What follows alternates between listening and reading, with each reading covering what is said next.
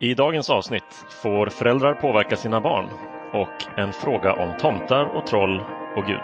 Jag heter Martin Helgesson och du lyssnar på Apologia-podden.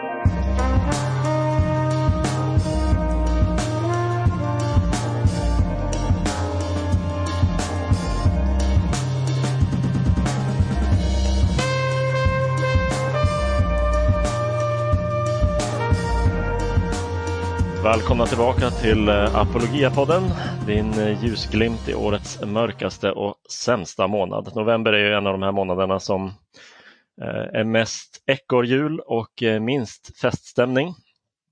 Så jag tänkte börja podden med två riktigt tjatiga och ganska repetitiva inslag här. För det första, det var länge sedan det kom ett nytt avsnitt för Apologia-podden, jag vet. Eh, och jag kan säga igen att jag gärna vill göra dem tätare och eh, om det blir någon verklig förändring, det återstår att se. Och för det andra, jag hoppas att ni alla är friska och mår bra där ute. Det här är de saker som man får inleda alla mejl och poddar och annat med nu för tiden. Det är eh, eh, trista tider minst sagt. Men det ska vi inte prata om nu. Nu ska vi prata om något lite intressantare och med oss i studion har vi Stefan. Hallå Stefan! Hallå Martin, kul att se dig! Hur är läget? Tack, det är, det är bra med mig. Och eh, på tal om att vi ska tala om familjen så eh, är det just idag, inspelningsdagen, eh, exakt en månad till en stor familjetilldragelse. Ja, berätta! Vi följer väldigt noga nyheterna om flygbolag som ställer in och Norwegian som sparkar folk och SAS som eh, har sina problem. Därför att eh, vi hoppas verkligen att det är något plan från New York som ska landa någonstans i Skandinavien om en månad. Ja, väntar ni fin besök? Vi väntar verkligen fin besök. Eh, vi eh, Eh, Ingrid och jag, vi eh, väntar på att äntligen få träffa vårt första barnbarn. Ja, jag vet inte. Jag har ju inte uppmärksammat det här på podden, men du är ju ganska nybliven morfar. Grattis till det! Ja, det är stora saker. Det är stora saker. Eh, och nu ska ju lilla Elna då inte flyga själv, utan vi hoppas att hon kommer tillsammans med sin mamma och sin pappa, Johanna, vår dotter, och och eh, hennes man David. Härligt. Ja, men det, det går ju eh, i vanliga fall ganska utmärkt att korsa Atlanten med en bebis. Jag har, eh, har gjort det själv en gång. Eh, hoppas att, eh, att flygbolagen ställer upp och skjutsar dem eh, hem till er så att ni får träffa dem. Ja, vi tycker det är, är en plikt. Vi har ju, hade ju gärna själva åkt andra vägen och få, få träffa dem få träffa dem tidigare. Men så är det i dessa märkliga tider. Mm, verkligen. Okej, idag så ska vi prata om två saker Stefan. Vi ska prata om eh, föräldrar som du sa, eh, nämligen lite grann eh, det jag påade i vårt förra avsnitt när jag och Sofia Ödman vi pratade om apologetikens roll i, i ett eh, kristet föräldraskap. Men eh, du och jag ska prata lite grann om om eh, människors reaktioner på den här boken vi gav ut, Rusta dina barn och eh, att det är lite kontroversiellt med kristet föräldraskap. Och sen efter pausen så ska vi prata om en fråga, en lyssnarfråga som vi har fått in om tomtens existens och Guds existens. Eh, eventuella likheter och skillnader där, eh, rent bortsett från existens och icke-existens i hur människor tänker om de frågorna. Så vi börjar med den här frågan om, om föräldrar. Eh, vi märkte ju det Stefan när vi började gå ut med vår crowdfunding-kampanj för Rusta dina barn. Natasha Cranes bok om eh, kristet föräldraskap att eh, kristna föräldrar jublade och hurrade för det här var en bok som behövdes. De behövde hjälp att ta upp svåra frågor om tron med sina barn. Men eftersom vi gjorde det här på sociala medier där människor har starka känslor åt alla håll så mötte vi mycket arga reaktioner och kritiska reaktioner. Det var ju, eh, det var ju väldigt, eh, det var ju väldigt väntat att eh, kristna föräldrar skulle ha en positiv, positiv reaktion. För det, det kände vi ju till sedan tidigare att här finns ett jättestort behov av att få hjälp att eh, tänka kring kristen tro och tänka kring föräldraskap och hur kan man eh, tala med sina barn om, om sånt som är viktigt för en själv. Däremot så var det ju lite förvånande att det var så många med, som i så högt tonläge reagerade negativt på detta. Ja, verkligen. Verkligen. Uh, och eh, Facebook är bra på att fånga upp när människor blir, eh, har starka känslor och särskilt arga känslor. Så det där inlägget eh, fick fart och spridning ut över nätet och det var intressant att se vilka reaktioner och frågor som dök upp. Några av dem som låg mer åt eh, trollsidan av skalan, de var ju typ eh, ha är det här How to brainwash your child for dummies, alltså hur man en nybörjarguide för att hjärntvätta sina barn och eh, en del använder såklart ordet indoktrinering. Någon ropar bara låt barnen vara. Eh, och så fanns det lite mer seriösa frågor sådär, men är det inte bra att barnen växer upp och får sitt eget perspektiv och egna åsikter? Och, eh, kritiskt tänkande är väl något som föräldrar skulle eh, förorda eh, när de uppfostrar sina barn eh, och så vidare. Så jag tänkte börja med att fråga dig Stefan, hur hamnade vi i en situation där det här är så kontroversiellt? Att kristna föräldrar vill föra sin tro vidare till sina barn, tror du? Hur, hur kommer det sig? Ja, det kan man verkligen eh, fundera över för det är ju en, det är en, märklig, en märklig reaktion. Alltså att föräldrar skulle vilja ge vidare övertygelser och värderingar som man själv, eh, som man själv har och som man, eh, man själv har tänkt igenom och tycker är viktiga man skulle kunna tänka sig att det är en ganska självklar, självklar eh, del av, av mänskligt liv. Men så var det inte. Eh, och anledningen till det, det kan ju säkert skifta individuellt, men jag tror det har att göra med vår lite konstiga historia i Sverige. Ja, vi tänker oss gärna som ett lagom land, men vi är ju märkliga på många sätt. Vilket sätt är det du tänker på? Ja, vi är lite ex extremistland kan man väl säga på det sättet att vi, vi har en lång historia då av, eh, av man kan ju säga påtvingad kristen tro på det sättet att vi har haft en, en, eh, en statsreligion och en, en avsaknad av religionsfrihet eh, väldigt långt eh, in i modern tid. Och där, där, man, där ju staten och skolan och kyrkan förmedlade då ofta på ett, ett tvingande sätt eh, kristen tro och kristna värderingar och kristen livsstil och så.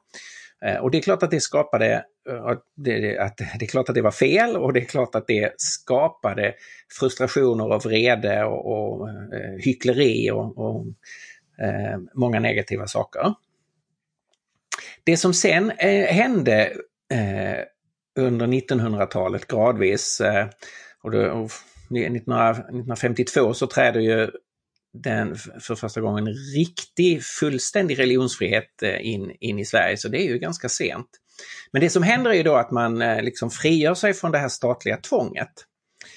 Och då har det ju hunnit smyga sig in en, en uppfattning att då alternativet till kristen tro är, är det sekulära och det är neutralt. Det är sådana där tankegångar som att det här är det vetenskapliga, det här är det upplysta. Eh, och att det är då det, det neutrala.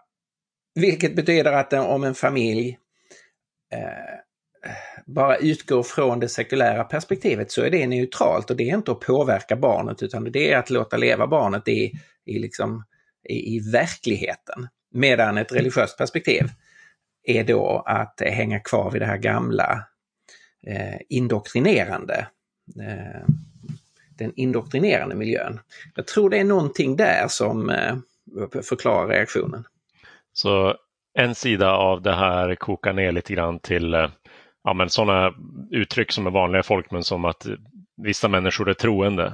Eh, och, och någon annan kan säga att jag är personligen inte troende eller jag är inte religiös. Och att det finns någon slags indelning mellan Ehm, de som har en, en livsåskådning, det vill säga då en religiös livsåskådning eller världsbild och de som inte har det. Snarare än att alla människor har en världsbild, en livsåskådning. Ehm, vissa mer religiösa, andra mer ja, sekulära om vi ens vill sätta upp det som ett motsatspar. Jag vet inte hur man bäst beskriver det landskapet. Men det finns mycket förvirring här och, och lite naivitet och så att säga eh, brist på självinsikt om att alla människor har en världsbild, eller hur? Ja, det, det är just det, det, med självinsikt som är så, så enormt viktigt att kunna eh, att, att kunna se att här, här finns ingen neutralitet. Det finns ingen möjlighet att ställa sig på en, eh, eh, eh på en, eh, en utgångspunkt så, som just är neutral, objektiv, som är utan filosofisk religiös startpunkt. Det, det, är helt enkelt omöjligt. Ingen människa har den lyxen att hänga någonstans utanför hela, hela verkligheten och, och betrakta den. Det är bara Gud, om, eh, om han finns, som har den, som har den lyxen, eh, så att säga. Eh, och det där har många svenskar svårt att ta in att om du väljer bort det ena så kommer du i praktiken att välja till något annat. Så du kan aldrig bara lämna ifrån dig någonting religiöst filosofiskt utan att samtidigt ta emot någonting annat. Eh, och det är först när man börjar erkänna det som man kan få både ett, ett sunt förhållningssätt till sitt eget liv och som man kan få igång ett, ett intressant samtal om de här frågorna. vad är det vi lämnar ifrån oss? Vad är det vi då istället tar in? Eh, och så börjar samtala om det. Ja. Så eh, jag tror, jag tror det där är, eh, finns i bakgrunden. Men jag vet inte vad du tänker Martin om det här. Hur, hur tänker du om den här situationen? Jag håller helt och hållet med dig om att, att det handlar delvis om den här eh, föreställningen om någon slags neutral läge som man då eh, tror att man själv har som de kristna inte har och, och därför är det på något sätt mer kontroversiellt att kristna föräldrar eh, gör någonting eh, som egentligen alla föräldrar gör. Sen tänker jag att det, det spelar i händerna på, eh, eller kommer från liksom lite större berättelser som vår kultur berättar för sig själv också. Jag tänker på befrielse eh, narrativet som är så dominerande ända från upplysningen men, men inte minst på senare tid också och där det finns någon slags parallella eh, mönster här att samtidigt som vi har frigjort sig från religionen så har vi också blivit allt mer individualistiska och det finns så otroligt många berättelser i vår, eh, i vår kultur så att säga i skönlitteratur och film och så om föräldrar som friar sig från sina barn. Så att om man på något sätt kopplar ihop båda de där med varandra, ett barn som friar sig både från sina föräldrar i allmänhet och från föräldrarnas eh, då ofta förment livsförnekande religion och sådana här saker, då, då är det en väldigt stark berättelse och den är attraktiv för många och, och suggestiv. Liksom. Och så kommer vi här och eh, går emot den berättelsen. Det är ju väldigt kontroversiellt. Ja, just det. Ja, men det, är en, det är en intressant tanke det där med eh, hur barn frigör sig från, från föräldrar man har växt upp i en eh, destruktiv eller förtryckande eller begränsande eh, miljö där familjen har varit eh, ett, ett, ett, problem. Ja, precis, för det måste man ju säga om alla sådana här berättelser som, som har en stark Eh, emotionell och, och, övertygande kraft är ju för att det ligger någonting i dem. Många barn eh, har gjort det. Ehm, och eh, många, många barn har gjort den erfarenheten av att växa upp i hem där föräldrarna påtvingar sin, sitt sätt att se på saker alldeles för hårt. En del har gjort det i, i då med kristna förtecken men såklart har ju barn gjort det med helt andra ideologiska förtecken också, politiska och allt möjligt.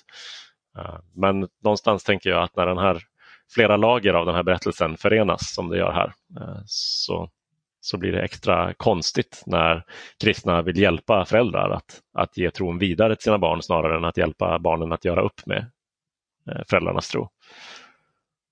Och det blir ju ibland att man, man, man analyserar inte en sån, om man tar det befrielsetemat, att man kanske eh, analyserar det lite otillräckligt. Där är ju flera dimensioner. Det ena är ju psykologiskt och socialt, hur fungerade familjen? Vilken sorts frihet fick man att tänka själv, att välja själv? Hur bejakad och älskad blev man oavsett hur mycket man tog in av, av föräldrarnas tro och värderingar? Eh, och, så det är ju en sida, liksom hur, hur var samspelet mellan barn och föräldrar?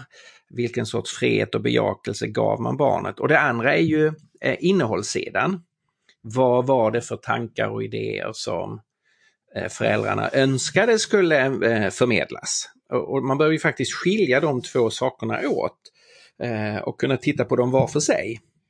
Ja, det kan bli någon slags barn och badvatten-problematik här för att använda fler bilder i, ifrån hemmets och föräldraskapets värld. Just det. Om Nej, man kan ju ha haft en, en auktoritär pappa till exempel som har, eh, som har skapat eh, skräck eller skuld eller så. Det är ju en sak. Men det kan man ju ha i vilken sorts ehm, eh, eh, livsåskådningsmässig, filosofisk, religiös miljö som helst. Därför att det har ju delvis med personlighetsdrag att göra och delvis med vilken sorts allmän medmänsklig kultur man odlar eller omänsklig kultur man odlar i sin familj. Jag gillar ju det här uttrycket som jag har hört någon säga då att, att familjen är ju som en liten civilisation. Där man bygger upp någonting tillsammans, de som ingår i, i, i familjen skapar ju en liten civilisation och den civilisationen kan ju vara, eh, kan ju vara konstruktiv och öppen och, och, och, och kärleksfull eller den kan vara hård eh, begränsande och, och, så. Så där är det civilisatoriska. Och sen är det då vilka idéer finns eh, i, i bakgrunden eller eh, eh, eh ytterst då för det här civilisationsbygget. Precis. Um, men så här finns ju då eh, en massa frågor och, och ärligt talat kanske lite fördomar. Och jag tänker då för kristna föräldrar som lyssnar på den här podden eller läser den här boken så är ju förekomsten av fördomar är ju lite av en utmaning att bevisa att de har fel, fördomarna, genom sitt sätt att uppfostra sina barn eh, på ett sätt som är konstruktivt, eh, där man kan ge vidare sin tro och övertygelser som man har kommit fram till och, och, och själv äger och bär på ett sätt som samtidigt ger barnet eh, frihet och, och, möjlighet att ställa bra frågor. Och, och, det ironiska här är ju att ett av eh, Natasha Cranes tips i boken som jag tycker är så bra är att hon eh, pratar om att hjälpa barnen till kritiskt tänkande. För det är ju ett sånt här eh, ett populärt begrepp som människor kanske inte eh, så ofta analyserar. Kritiskt mot vad, kritiskt utifrån vad, vad får man tillämpa det kritiska tänkandet på? Har du några kommentarer kring det, det kritiska tänkandets roll i barnuppfostran? Du, du har varit förälder längre än mig också. Jag, ty jag, tycker det är, det är jätteviktigt och så bra att eh, Natasha Crane tar upp det. Och det är väl en sak som, som borde prägla eh, kristna familjer, att man tar, eh, eh man tar tänkandet på allvar. Eh, att man eh, lär sig att tänka och tränar sina barn i att tänka. Och det betyder ju då inte att man ska eh, det, det, betyder då inte en låst situation utan eh, tänkande innebär ju också att man prövar olika alternativ. Eh, att, man, att man därmed har frihet att liksom eh, prova den här vägen eller den vägen eller den vägen. Och att man, får, att man har ett liksom analyserande synsätt. Och där tror jag det är väsentligt att man eh, i en kristen familj, att man kan ha det i relation till de erfarenheter man, man har som familj av hur, hur fungerar församlingen, hur är mötet med, med, med andra kristna. Att det är saker och ting som man inte behöver eh, inte ska acceptera okritiskt eller påtvingas. Utan eh, eh att man eh, liksom allting går att samtala om. Allting får, får lov får, man får lov att ta upp allting. Alla invändningar. Eh, det är helt okej. Okay. Eh, all kritik det, det är liksom helt okej. Okay. Ja, så låt oss, um, låt oss prata om det, låt oss tänka kring det. Hur, hur ska man se på det här? och, och, det handlar ju om att ha en, en attityd, om man tar ett välkänt ord i Nya Testamentet eh, som egentligen handlar om, eh, eh, om profetia. Alltså om Gud inspirerar en människa att eh, framföra någonting eller en person påstår att det här är, jag känner att jag har fått eh, det, det här är från Gud. Så är ju inställningen, eh, pröva allt och behåll det som är gott. Och det är liksom väldigt principiellt. Allting kan man få lov att pröva, utvärdera, därmed också ifrågasätta och man behöver inte ta emot det som inte är gott. Utan det kan man med väldigt stor frimodighet sätta åt sidan. Så man behöver bara behålla det som är gott, det som är sant. Så det är en sorts attityd som är viktig att ha i en, en familj. Ja, och sen eh, jag tänker en intressant vinkel på det här är ju att kristna föräldrar och kristna barn kanske ärligt talat är i en ovanligt bra position för att ha den typen av samtal för vi är allt mer en minoritet i samhället. Och minoriteter är mycket mer medvetna om flera olika alternativ än vad majoriteten är. Mm. Och Det kommer tillbaka lite grann till det här med neutralitetsmyten på något sätt. Att den, um, den funkar ju eftersom det är en majoritetsuppfattning. lite grann.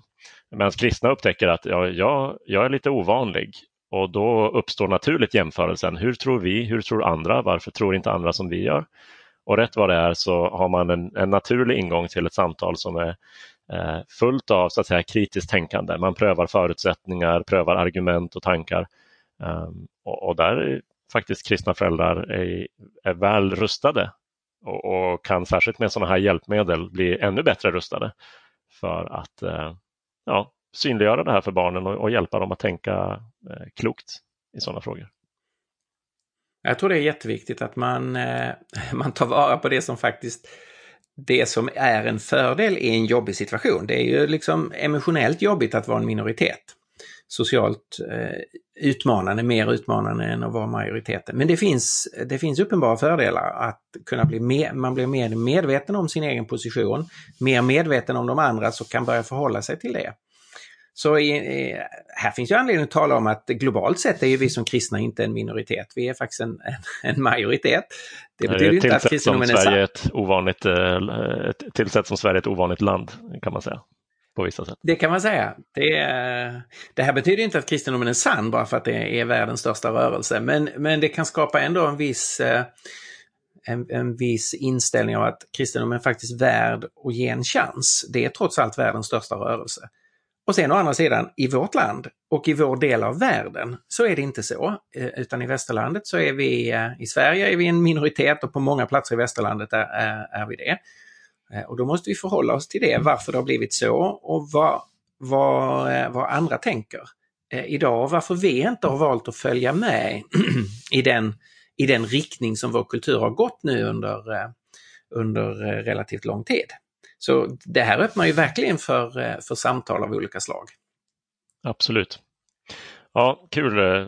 Tack Stefan, roligt att prata med dig om, om föräldraskap och apologetik. Och eh, ni lyssnare kan ju få känna till att eh, eh, föräldraskapstemat kommer dyka upp åtminstone en gång till ganska snart. Jag håller nämligen på och eh, arrangerar en intervju med självaste Natasha Crane som har skrivit boken som på svenska heter Rusta dina barn. Så eh, jag vill helt enkelt att ni som lyssnar på det här tänker eh, lite grann på vilka frågor ni skulle vilja att jag ställer till henne. Och så skriver ni ner dem i ett mejl och skickar dem till podd.apologia.se podd med två d podd.apologia.se. Skicka de frågor som du vill att jag ska ställa till Natasha Crane. Eh, särskilt om du har läst boken Rösta dina barn och kanske har följdfrågor eller vill höra henne bli mer konkret kring hur man eh, delar tron med barnen på ett bra sätt. Åh, oh, vad kul! Eh, det vill jag verkligen upp, upp, miss, missa inte detta med, med Natasha Crane. Hon är en jättehärlig person. Eh, och det här är ju en jätterolig chans att, att få lov att eh, medverka i det, i det samtalet genom att skicka in frågor. Så eh, ta vara på den möjligheten. Ja, verkligen. Och eh, en som har tagit vara på möjligheten att skicka in frågor till Apologiapodden det är en person som heter Kristoffer och han har ställt en fråga om tomten som vi återkommer till efter pausen.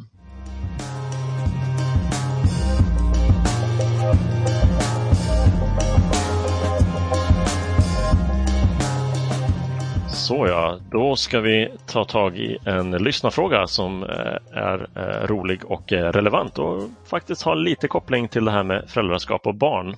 Kristoffer har skickat in en fråga som låter så här. I en pågående debatt angående elever som kränks för sin tro kom frågan upp om det skulle finnas mer bevis för jultomtens existens jämfört med Guds. Hade varit kul om ni hade kunnat ta upp ämnet i er podd. Varsågod Kristoffer, det gör vi nu. Och det är ju en, eh, en populär, eh, så att säga lite rolig invändning mot kristen tro eller Guds existens. Sådär. Eh, eller att tänkt att vara rolig åtminstone. Nämligen att äh, men jag tror inte på Gud, jag tror inte på tomten. Man kan infoga valfri, valfritt favoritexempel som olika ateister har. Spagettimonstret, tekannor i rymden och, och feer längst ner i trädgården som Douglas Adams pratar om och sådana saker. Vad säger du Stefan? Finns det några relevanta likheter mellan frågan om tomtens existens och Guds existens egentligen? Det är väldigt passande att vi pratar om tomten. Vi eh, går ju alla nu in i väntans tider på att tomten ska komma. Ja, om han nu så, finns eh, så får han väl bevisa det. Just det. Eh, det, kan man väl, det kan man väl säga, ja. Nej, men det är en, Eh, det är en eh, lite vanligare invändning än man kan tänka sig. Den bygger ju då på en analogi, en jämförelse eh, mellan jultomten och Gud. Och eftersom det är uppenbart då för den som, som ställer invändning då att vi tror inte på jultomten och då bör vi på samma sätt då inte heller tro på Gud. Så det är ju en, en, en invändning som bygger på en analogi, jämförelse. Och då blir ju själva grundfrågan här, är det en giltig analogi, alltså en, eh, en jämförelse som är meningsfull? Och då skulle jag säga, nej det är det inte alls och det kan man ganska enkelt se. Så låt mig eh, försöka visa det på några olika områden. För det första, om vi tänker på jultomten så är det ju så att eh, det finns ju inga vuxna intellektuellt välfungerande, akademiskt utbildade människor som tror på jultomten. Man finner inga exempel på någon person som i vuxen ålder går från att vara atomtist, förneka tomtens existens, till att bli tomtist och helhjärtat eh, hävda att jultomten existerar. När det gäller frågan om Gud så är det ju massor med människor världen över som på fullt allvar tror att Gud existerar. Dessutom så finns det mängder med exempel, det sker helt kontinuerligt hela tiden att vuxna intellektuellt välfungerande människor, akademiskt välutbildade, går från ateism, att Gud inte finns, till en djup övertygelse om att Gud faktiskt finns. Här verkar det alltså vara, eh, det verkar alltså vara en situation där analogin mellan jultomten och Gud inte stämmer. Mm. Det kan man säga liksom en, en, sociologisk skillnad verkligen i hur, hur de olika eh, grupperna ser ut som tror på tomten respektive Gud och hur de, hur de växer och krymper eh, med ålder, de här, de här grupperna. Ja, det är, det är en intressant skillnad. Eh, känns inte riktigt som att eh, jämförelsen håller så jättebra än så länge, men du, du har fler, fler skillnader. Jag har alltid fler. Ett, ett, annat, ett, ett annat område där det, är, där det är uppenbart att analogin eh, inte stämmer, det är hur frågan behandlas bland, eh, bland filosofer, bland intellektuella eh, inom den akademiska världen. Så eh, det skrivs inga doktorsavhandlingar i filosofi om argumenten för och emot jultomtens existens. Det är inte en seriös intellektuell fråga. Men på universitet över hela världen, på de mest prestigefyllda universiteten i, i världen, i eh, Oxford och Cambridge, eh, på Harvard och Yale och vilka universitet vi nu vill nämna, så, så skrivs det kontinuerligt avhandlingar som resonerar kring argumenten för och emot Guds existens. Alltså, frågan om Guds existens är en levande frågeställning bland världens intellektuella. Man är inte överens om hur den ska besvaras. Men att det är en giltig frågeställning som är värd att undersöka, det är man eh, överens om. Helt till skillnad från frågan om, om jultomten. Det är, det är en fråga som har diskuterats i, i tusentals år, eh, frågan om Guds existens. Eh, så den är inte bara levande nu utan har varit det länge. Den har en helt annan, en helt annan dignitet eh, i, i historiskt perspektiv också. Um, men det, det, här är ju på sätt och vis en till skillnad som har att göra med hur människor betraktar och, och beter sig runt frågeställningar. Jag gissar att de här skillnaderna bottnar i genuina skillnader faktiskt i i vilka skäl det finns för att tro på tomten respektive Gud, eller hur? Ja, det gör det. Och den, den, allra, viktigaste, eh, den allra viktigaste responsen på den, här, eh, på den här invändningen att man ska jämföra eh, Gud, jultomten och Gud, det är att eh, det handlar om två helt olika typer av varelser eller eh, väsende. Alltså jultomten, om vi tar den, den vanliga, så att säga, den vanliga eh, bilden av jultomten, det är ju en, en eh, farbror, eh, smått överviktig, eh, iklädd rött som kommer med renar och delar ut, eh, delar ut julklappar. Och kanske lite äldre svensk folk tror att det är någon sorts varelse i skogarna som man, du sätter fram eh, gröt och, eh, och sådär. Tomten, eh, om du är snäll mot tomten så sköter tomten om eh, saker på, på gården. Men det här är ju alltså anspråk på en varelse som existerar i tiden och rummet, som är en fysisk varelse, en kroppslig varelse som har, eh, som har längd och tyngd och utsträckning och som doftar och som är alltså helt enkelt åtkomlig mellan sin, med hjälp av sinnena. Du kan se, höra, ta på tomten så som vi kan se och höra och ta på varandra. Men frågan om Gud, och när vi talar om Gud här så talar vi om, ju om det judisk-kristna gudsbegreppet förstås, om, den, om teismens Gud. Det är ju anspråk om en helt annan en, en helt annat sorts väsende, nämligen ett andligt väsende. Enligt Jesus så är ju Gud ande, man ska tillbes i ande och sanning, alltså Gud är inte fysisk. Eh, och Gud är inte ett föremål i tiden och rummet, utan är den som är skapare av tid och rum, men som själv existerar före, bortom eh, eh, tiden och rummet och som existerar i kraft av sig självt som ingenting av det som är tidsligt och rumsligt gör. Alltså är det anspråk om en helt annan sorts varelse och därför så kan inte på något eh, sätt jultomten och Gud jämföras, utan man måste ta ställning till frågan om Gud liksom som en, en helt egen frågeställning, helt skild från frågan om jultomten. Jag tänker att analogin, eh, eller den, den påstådda analogin, den påstådda likheten här är på något sätt människor tror på något som vi inte kan se eller som vi inte har sett. Eh, men det är ju en jättestor skillnad att det ena skulle vi, givet att det finns, förvänta oss att se och vi har om en och en halv månad ungefär det den särskilda eh, tidpunkt då vi empiriskt skulle kunna verifiera tomtens existens eller icke-existens. Om ni stannar uppe över natten mellan den 24 och 25 eller något sånt där, sitter och kollar upp för skorstenen så, så skulle vi förvänta oss att se den här lätt eh, korpulente rödklädde farbrorn med skägg. Och det är ju där analogin verkligen brister, att Guds existens medför inte samma sorts empiriska eh, kriterium på en gång. Nej, så eh, Nya Testamentet själv säger ju ingen har någonsin sett Gud. Och det är vi ju som kristna helt, helt överens om, ingen har någonsin sett Gud.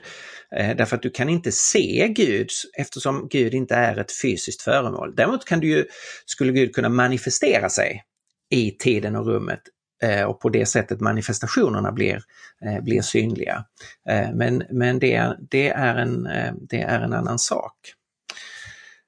Eh, så det man kan säga att det är ett svaghetstecken i, i vår kultur att man tar upp eh, den här sortens jämförelse som faktiskt inte är eh, en, en intellektuellt sett seriös invändning. Om man läser den religionsfilosofiska litteraturen om Guds existens och läser, eh, läser ateisters kritik av Guds existens så kommer ju inte frågan om jultomten upp därför att det är helt enkelt inte en seriös invändning. Det finns andra invändningar som eh, man får betrakta som seriösa invändningar mot frågan om Guds existens. Mm. Så där har vi det. Likheter och framförallt skillnader mellan tomtens och Guds existens.